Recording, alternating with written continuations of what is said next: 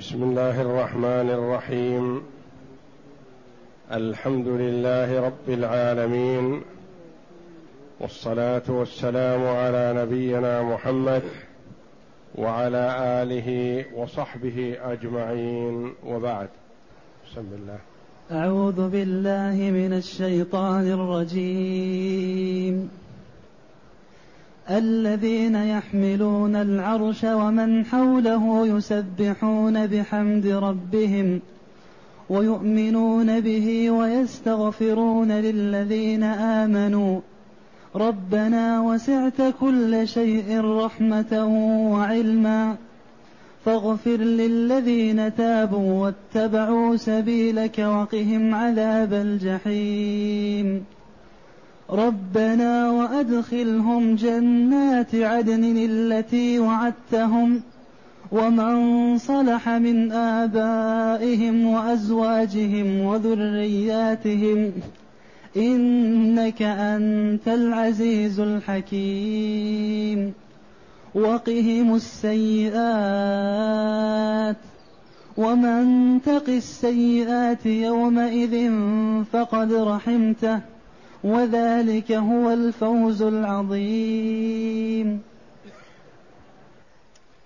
هذه الآيات الكريمة من سورة غافر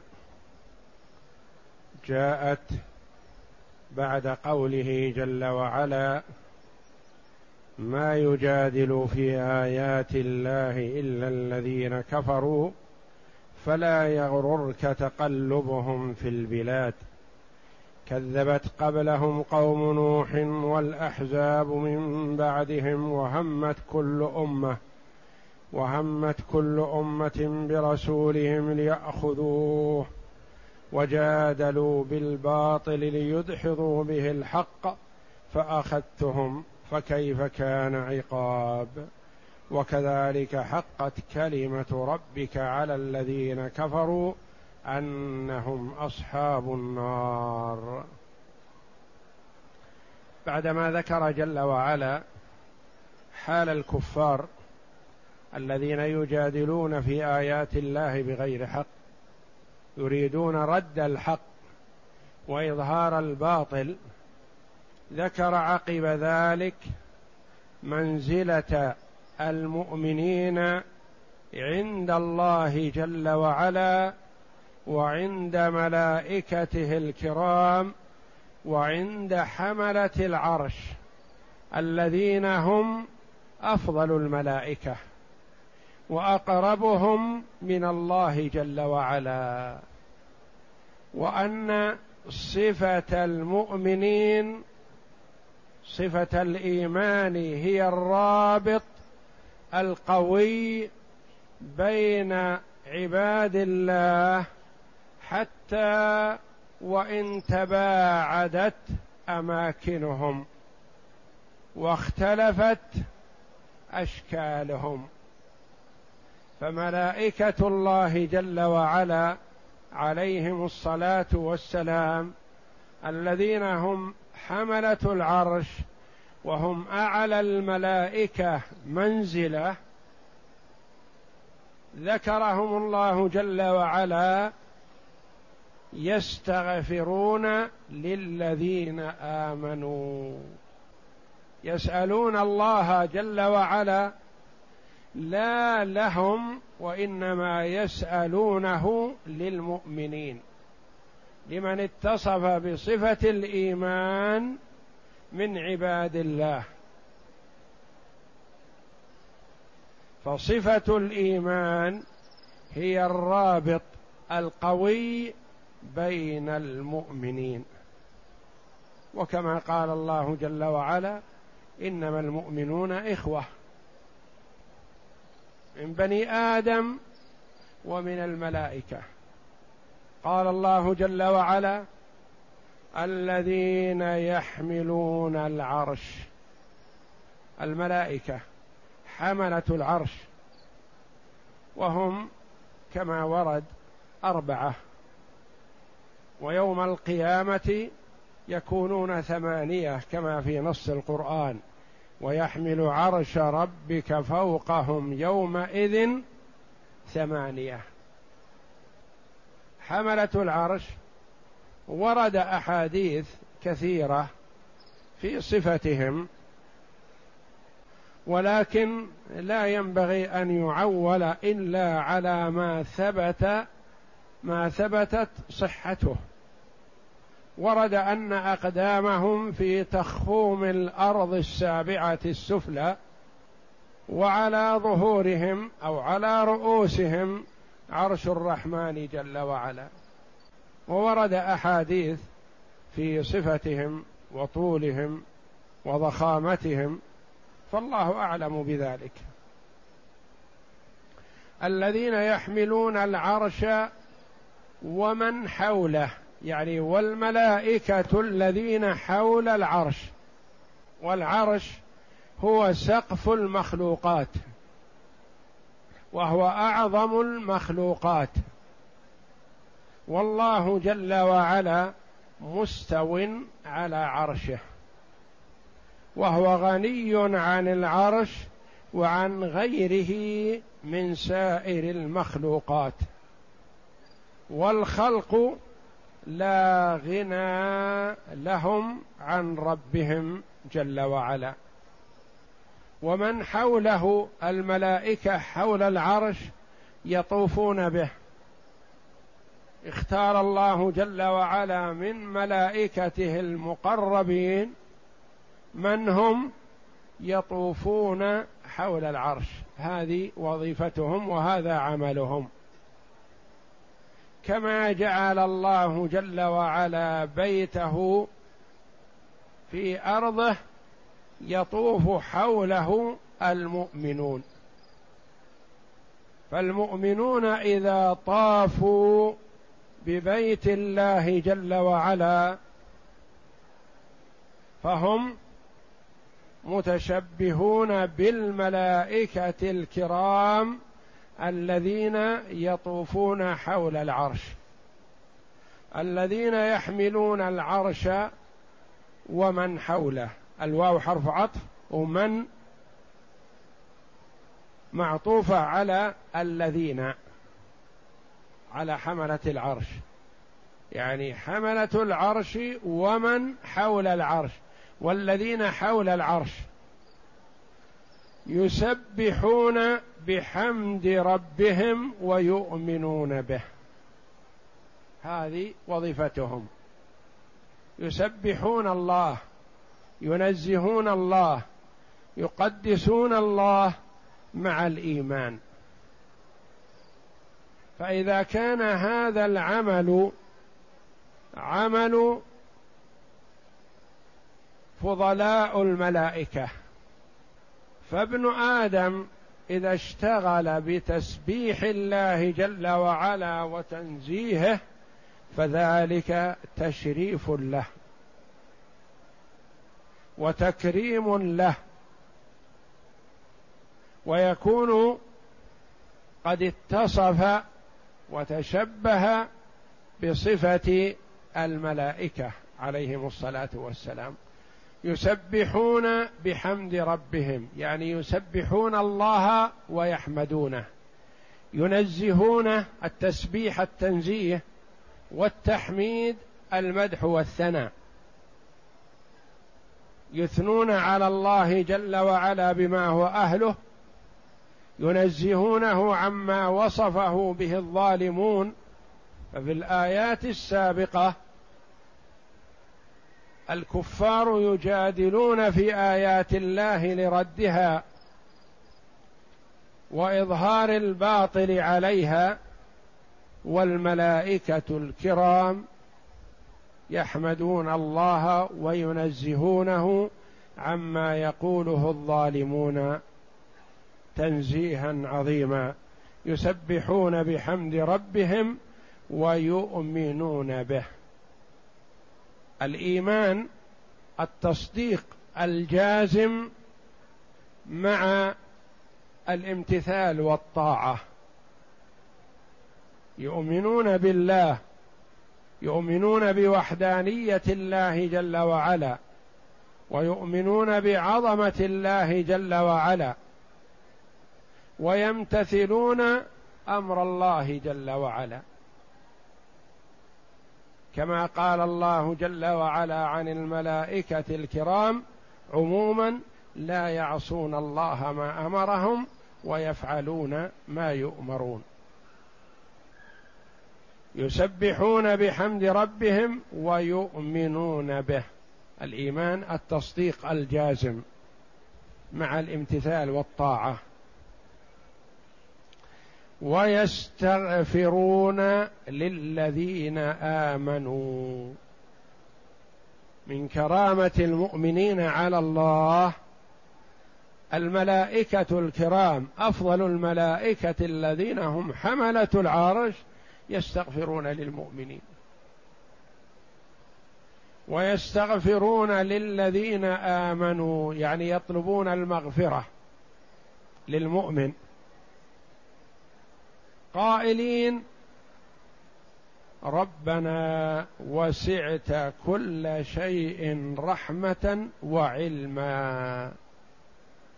وسعت كل شيء برحمتك وعلمك. رحمة وعلما تمييز محول من الفاعل. وسعت رحمتك كل شيء. وأحاط علمك بكل شيء. فرحمه وعلم منصوبان على أنهما تمييز وهذا التمييز محول من الفاعل. وسعت رحمتك ووسع علمك. ومن هذا نستفيد أن المرء إذا أراد أن يسأل الله جل وعلا أن يتقرب إليه اولا بالثناء عليه. ثم الصلاة على النبي صلى الله عليه وسلم كما ورد في الحديث ثم يسأل العبد ربه فحري أن يستجاب له.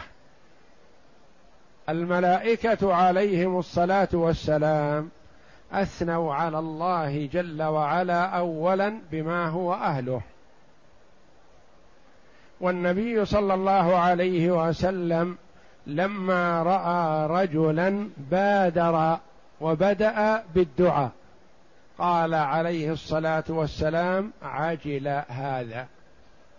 وبين صلى الله عليه وسلم أنه ينبغي للمرء إذا دعا أن يثني على الله اولا أن يحمد الله جل وعلا ويثني عليه بأسمائه وصفاته ثم يصلي على النبي صلى الله عليه وسلم ثم يسأل الله ما أحب من خيري الدنيا والآخرة ويوقن بالإجابة. لا يتردد ولا يشك يوقن بالإجابة. والإجابة كما ورد في الحديث على ثلاثة أنحاء.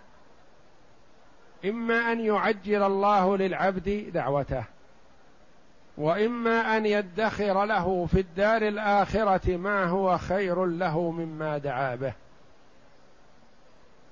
وإما أن يصرف عنه من السوء ما هو خير له مما دعا به.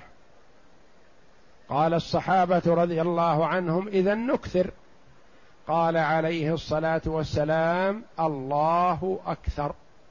يعني كلما أكثرتم السؤال أكثر الله جل وعلا الإجابة.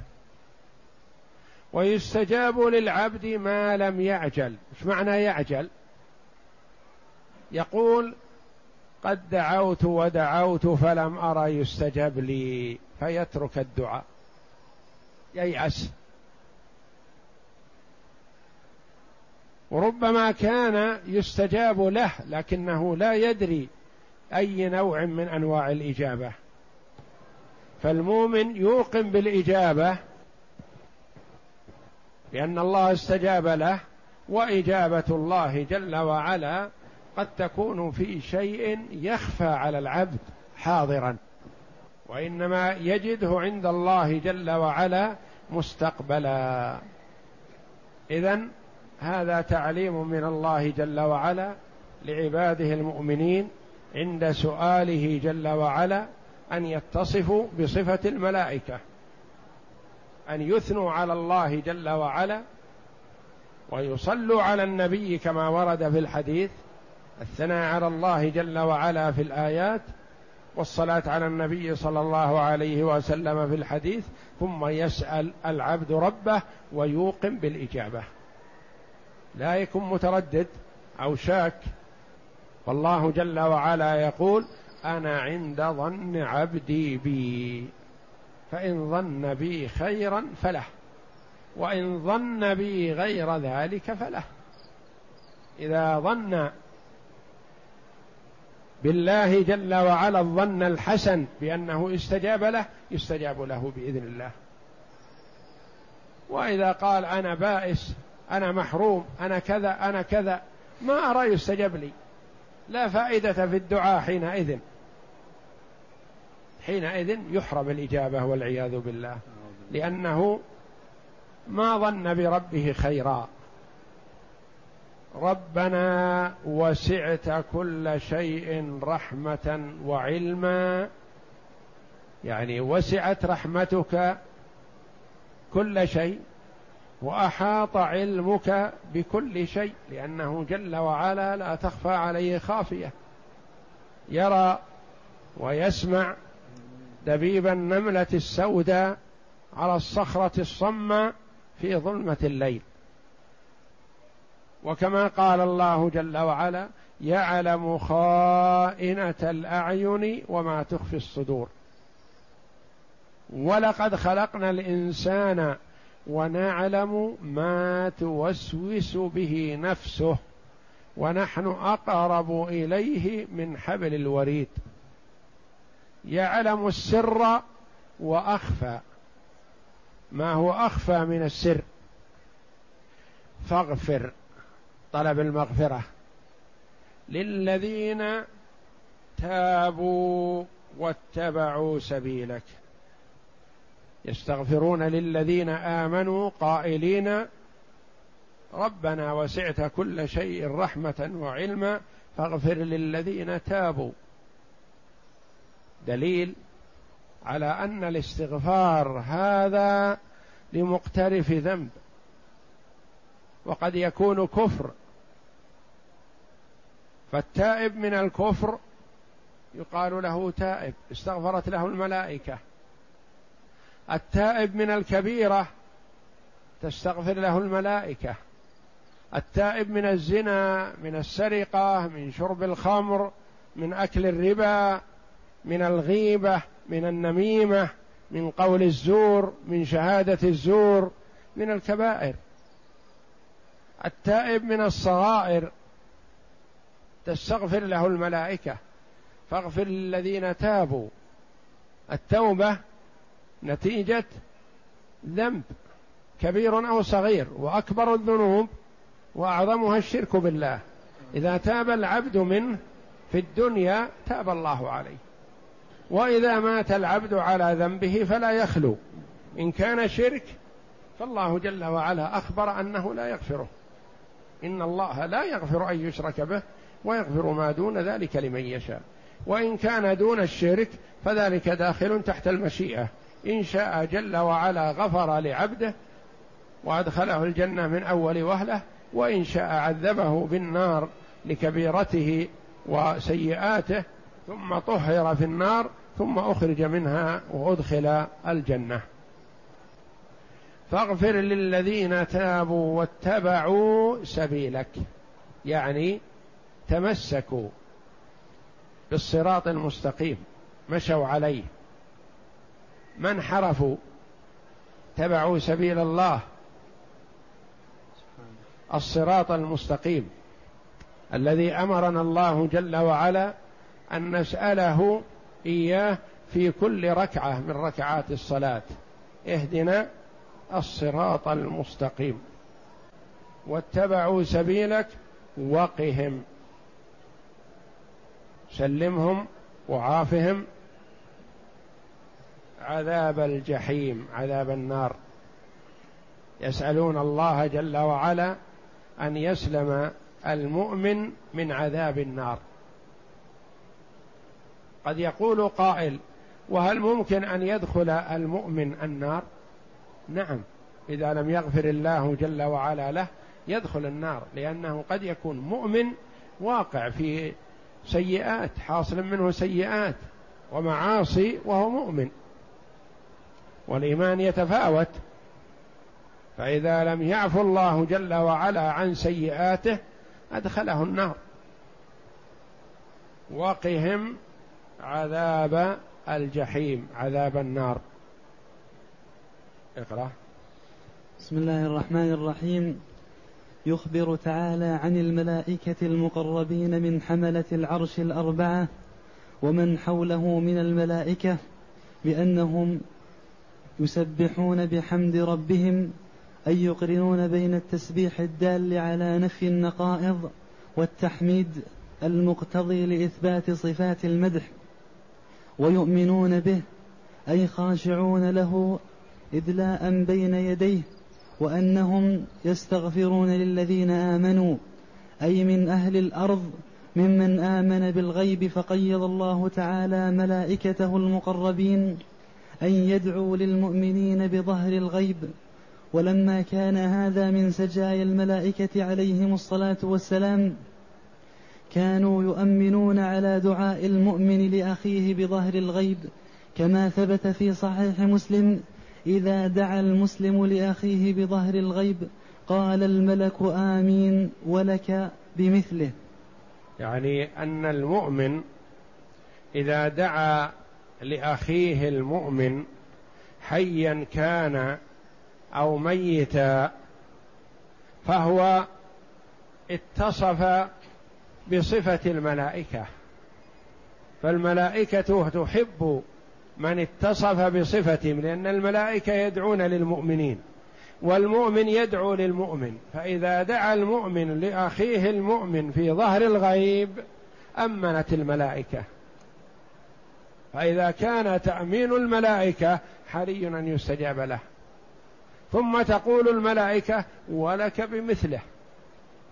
يعني مثل ما دعوت لأخيك المسلم بظهر الغيب الملائكة تسأل ربها بأن يعطى هذا السائل مثل ما سأل لأخيه المؤمن. وقوله تعالى ربنا وسعت كل شيء رحمة وعلما أي رحمتك تسع ذنوبهم وخطاياهم وعلمك محيط بجميع أعمالهم وأقوالهم وحركاتهم وسكناتهم. فاغفر للذين تابوا واتبعوا سبيلك أي فاصفح عن المسيئين إذا تابوا وأنابوا وأقلعوا عن ما كانوا فيه واتبعوا ما أمرتهم به من فعل الخيرات وترك المنكرات وقهم عذاب الجحيم أي وزحزحهم عن عذاب الجحيم وهو العذاب الموجع الأليم. ربنا وأدخلهم جن ربنا وأدخلهم جنات عدن التي وعدتهم ومن صلح من آبائهم وأزواجهم وذرياتهم إنك أنت العزيز الحكيم. ربنا وأدخلهم جنات عدن. الملائكة تسأل ربها بأن يدخل المؤمنين الجنة. جنات عدن. عدن بمعنى إقامة. يقال عادنا بالمكان بمعنى أقام به. وسميت جنات عدن بأنه الناس المؤمنون يقيمون فيها لا يرحلون ولا يضعنون. يعني مقيمون فيها دائما وأبدا. جنات عدن التي وعدتهم. وعدهم الله جل وعلا إياها على ألسن رسله. وعد المؤمنين الجنة. فيقولون ربنا لا تحرمهم إياها. أعطهم وقالوا التي وعدتهم تحببا إلى الله جل وعلا وتقربا إليه وطلبا منه أن يعطي وعده. والله جل وعلا لا يخلف الوعد. لا يخلف الوعد جل وعلا. فهو وعد المؤمنين الجنة فهو يعطيهم إياها. قالوا الجنة التي تكرمت بها عليهم ووعدتهم إياها. التي وعدتهم. ومن صلح من آبائهم وأزواجهم وذرياتهم. الواو حرف عطف. من هذه من صلح والذي صلح. موصول. معطوف على ماذا؟ قولان للعلماء رحمهم الله. الأول أدخلهم ومن صلح من آبائهم. فيكون ومن معطوفة على الضمير في أدخلهم. أدخلهم وأدخل الصالحين من آبائهم وأزواجهم وذرياتهم. والمراد الصالحين لدخول الجنة المؤمنين. وقال بعضهم بعض العلماء ومن صلح من هنا معطوفة على وعدتهم الضمير التي في وعدتهم التي وعدتهم ومن صلح من آبائهم. ولكن كونها للأول أقرب وأظهر والله أعلم. وأدخلهم وأدخل من صلح من آبائهم. صلح فيها قراءتان. صلح وصلح من آبائهم وذري وأزواجهم وذرياتهم فيها الجمع وفيها الإفراد وذريتهم. التي وعدتهم ومن صلح من آبائهم وأزواجهم وذرياتهم. يعني صلح لدخول الجنة أدخله معهم ليكن في منزلتهم في منزلة الأعلى. ورد في الحديث أن المؤمن إذا دخل الجنة سأل عن آبائه وأمهاته وأزواجه وأولاده فقيل له إنهم لم يبلغوا منزلتك. إنهم لم يعملوا مثل عملك. فيقول يا ربي عملت لي ولهم. فيقول الله جل وعلا ارفعوهم لتقر أعينهم.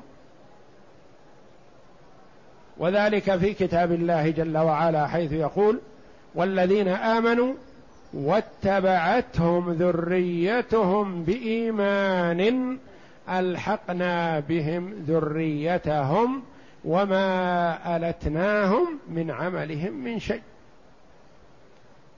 والذين آمنوا واتبعتهم ذريتهم بإيمان. يعني المؤمن يكون الأب له منزلة عالية.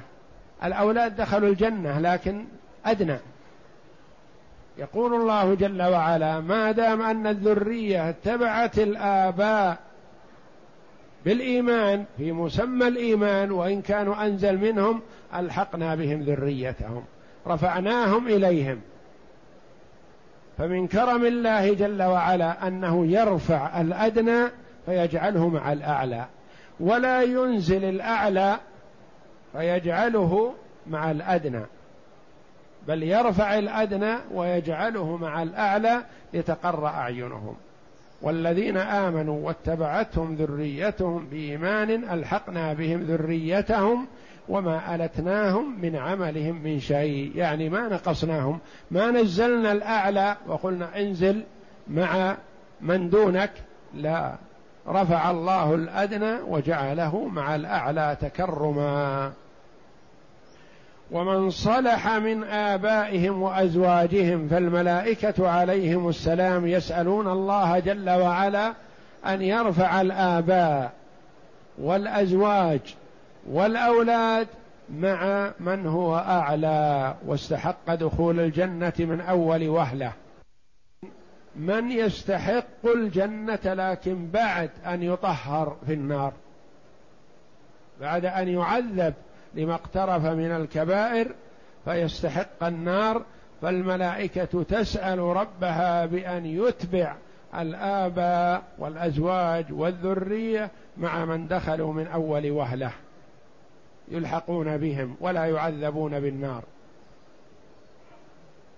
وذرياتهم إنك أنت العزيز الغالب. لا أحد يرد ما أردت أنت القوي جل وعلا. الحكيم الذي يضع الأشياء موضعها. فالعزيز ينفي أن يكون أحد يرد له طلب. قد يكون المرء مثلا عنده رحمة ويحب أن يرحم أن يرحم فلانا. أو أن لا يجازي فلانا أو لا أن لا يعاقب هذا ونحو ذلك لكن من فوقه يرفض. يقول لا هذا لابد أن يعذب هذا لابد أن يحرم هذا لابد أن يفصل هذا لابد كذا. يكون فوقه أعلى منه. والله جل وعلا لا أحد يرد ما أراده. إنك أنت العزيز الحكيم. تقربوا إلى الله جل وعلا بهذه الصفة المناسبة لهذا الطلب. وقد يأتيك الإنسان مثلا يقول ارحم أخاك فلان أخاك أخطأ ارحمه. تقول أنا أود هذا لكن من فوقي يابى ما أستطيع. أنا أود أن أتجاوز عنه أود أن أسامحه لكن من فوقي يابى والله جل وعلا هو العزيز الذي لا أحد يرد ما أراده. إنك أنت العزيز العزة والغلبة الحكيم الذي يضع الأشياء مواضعها. لأن المرء في الدنيا قد يكون عزيز أمره نافذ لكن غشيم. يرفع من لا يستحق الرفع. ويخفض من يستحق الرفع ولا يستحق الخفض مثلا. لكن الله جل وعلا حكيم يضع الأشياء مواضعها. وكثيرا ما يقرن جل وعلا بين العزة والحكمة. أنهم إذا اجتمعا حصل المقصود. وإذا وجدت إحداهما دون الأخرى ما نفعت. فالعزيز في الدنيا إذا لم يكن عنده حكمة ضر بقوته وعزته وجبروته. والحكيم إذا لم يكن عنده عزة عارف وعنده بصيرة وعنده معرفة لكن ما عنده قدرة. حكيم لكن لا عزة له لا قدرة. فكثيرا ما يقرن جل وعلا في كتابه العزيز بين هاتين الصفتين. إنك أنت العزيز الحكيم. العزيز الغالب الذي لا أحد يرد ما أراده الحكيم الذي يضع الأشياء موضعها ويتجاوز عمن يستحق التجاوز ويعذب من يستحق العذاب وهكذا. وقهم السيئات. قهم سلمهم وعافهم من عقوبة السيئات أو من نتائج الأعمال السيئة أو سلمهم من الأعمال السيئة لا يعملونها فيستحقون عليها العقاب. قهم السيئات. اجعلهم بعيدين عنها حتى لا يستحقوا العقاب. والله جل وعلا إذا أحب عبده حفظه من السيئات. كما ورد في الحديث القدسي ما تقرب إلي عبدي بشيء أحب إلي مما افترضته عليه. أفضل ما يتقرب المتقرب إلى الله جل وعلا بماذا؟ بالفرائض. شخص مثلا يقوم الليل لكنه يضيع الصلوات الخمس ما ينفعه قيام الليل. شخص يكثر الصيام لكنه في رمضان يتلاعب لا يصوم. ما ينفعه صيام النفل مع تضييع الفريضة. ما تقرب إلي عبدي بشيء أحب إلي مما افترضته عليه. أفضل ما تتقرب إلى الله جل وعلا بالمحافظة على الفرائض من الصلاة والصيام والزكاة والحج وغير ذلك مما افترض الله جل وعلا. ولا يزال عبدي يتقرب إلي بالنوافل حتى أحبه. إذا أتيت بالفرائض وتقربت إلى الله جل وعلا بالنوافل أحبك الله. حتى أحبه. ما نتيجة هذه المحبة العظيمة؟ فإذا أحببته كنت سمعه الذي يسمع به وبصره الذي يبصر به. ويده التي يبطش بها ورجله التي يمشي بها. حفظ الله جل وعلا سمعه عن أن يسمع الحرام. حفظ الله بصره عن أن ينظر إلى الحرام. حفظ الله يده من أن تمتد إلى حرام.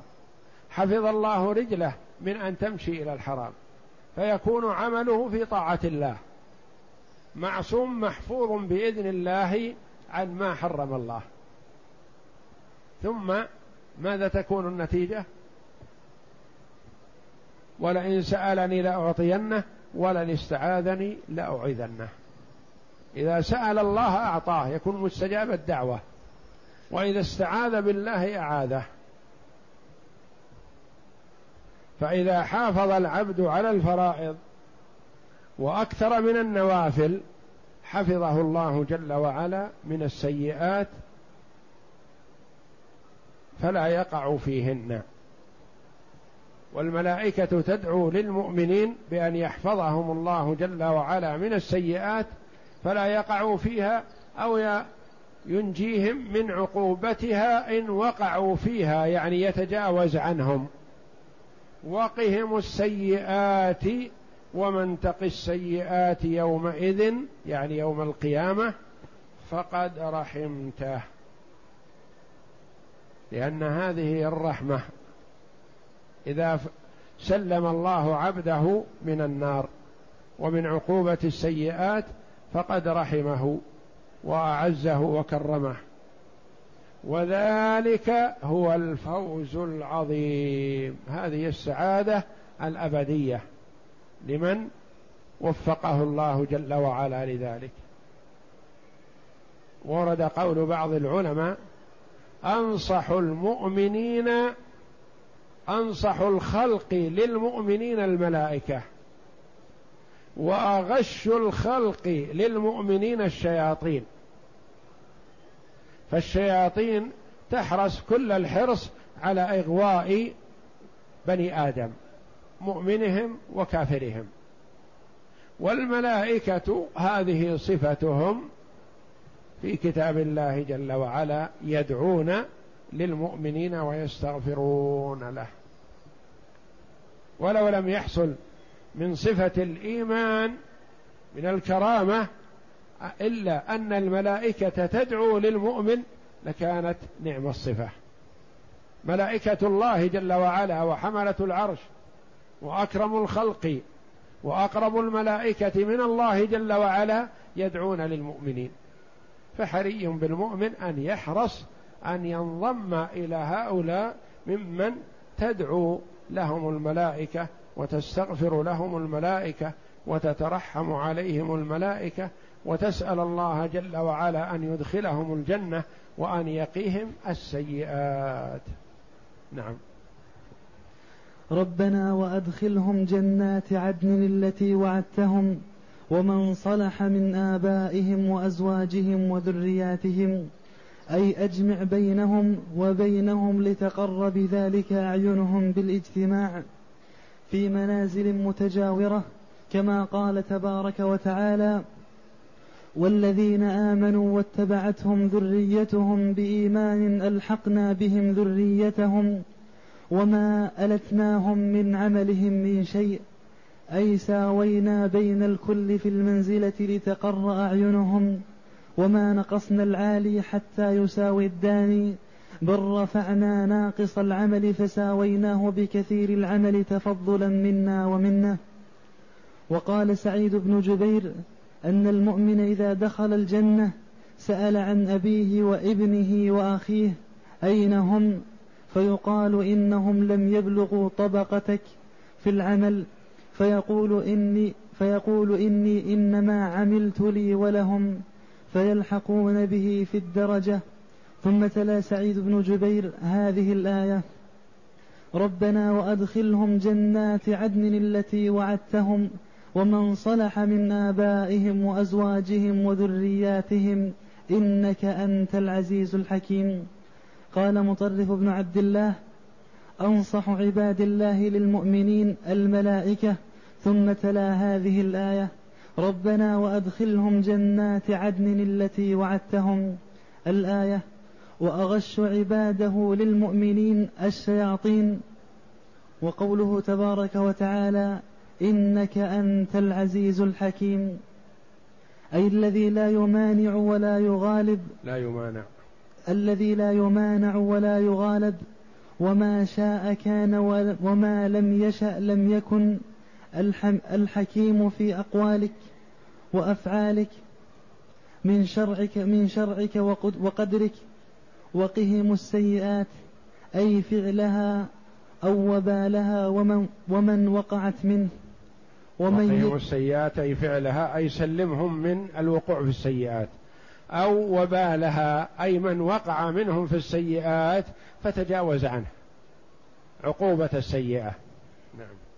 ومن يتق السيئات ومن ومن تق السيئات يومئذ أي يوم القيامة؟ يومئذ هنا قالوا التنوين عوض عن جملة. المراد يوم القيامة يومئذ يوم القيامة. نعم. فقد رحمته أي لطفت به ونجيته من العقوبة وذلك هو الفوز العظيم. والله أعلم وصلى الله وسلم وبارك على عبد ورسول نبينا محمد وعلى آله وصحبه أجمعين.